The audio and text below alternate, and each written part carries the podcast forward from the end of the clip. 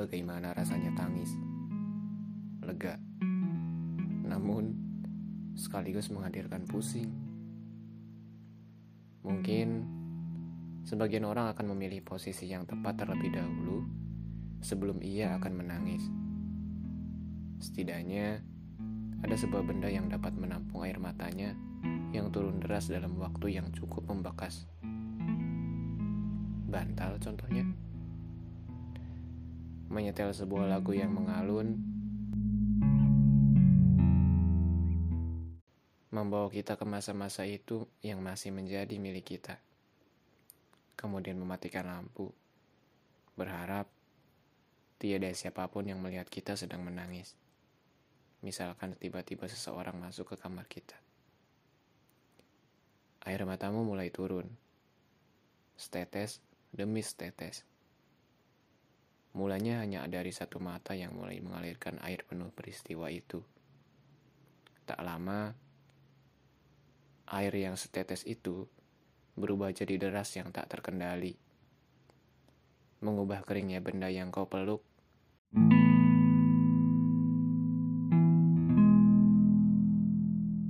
Jadi lembab sampai kau pun tak tahu harus bagaimana lagi.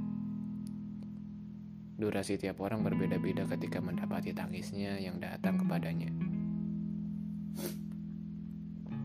Ada yang setengah jam, 45 menit, satu jam, atau bahkan lebih dari itu. Entahlah, aku menghitung durasi dari setengah jam paling minimal. Saat kau menangis, kau tak ingin ada seseorang yang bertanya atau bahkan mengatakan apa pun padamu. Jikapun ada orang yang datang, cukuplah diam dan jangan sekali mencoba bertanya, "Kenapa?" Karena hal itu akan membuat jengkel dan geram. Sebab yang terasa setelah menangis adalah pening dan berat di kepala.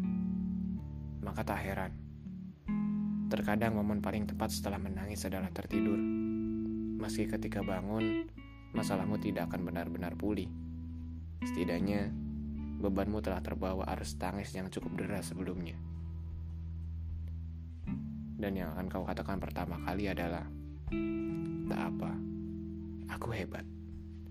Aku cukup kuat untuk masih tetap berjalan, katamu meski dengan nada getir.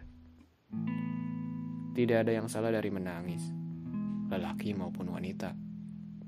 Ekspresi alamiah yang Tuhan berikan dan patut disyukuri. Sebab dari menangis, ada hal-hal yang kita ketahui bahwa sesuatu sedang tidak baik-baik saja.